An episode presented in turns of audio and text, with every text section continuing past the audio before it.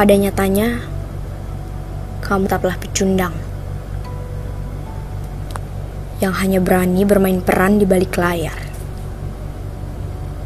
Tak ada penonton. Ya, penontonmu ialah dirimu sendiri. Sebrengsek dan sehina itukah dirimu di matamu?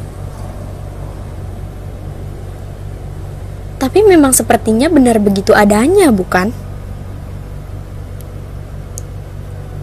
Tiba-tiba saja kamu menjadi mengenaskan, dibenci dirimu sendiri. Bagaimana bisa orang lain akan menerimamu dengan baik, sedangkan kau sendiri memaki dan membenci dirimu? Tanyakan lagi pada hatimu. Tidakkah kau kasihan? Bukankah kadang kau berusaha untuk tegar?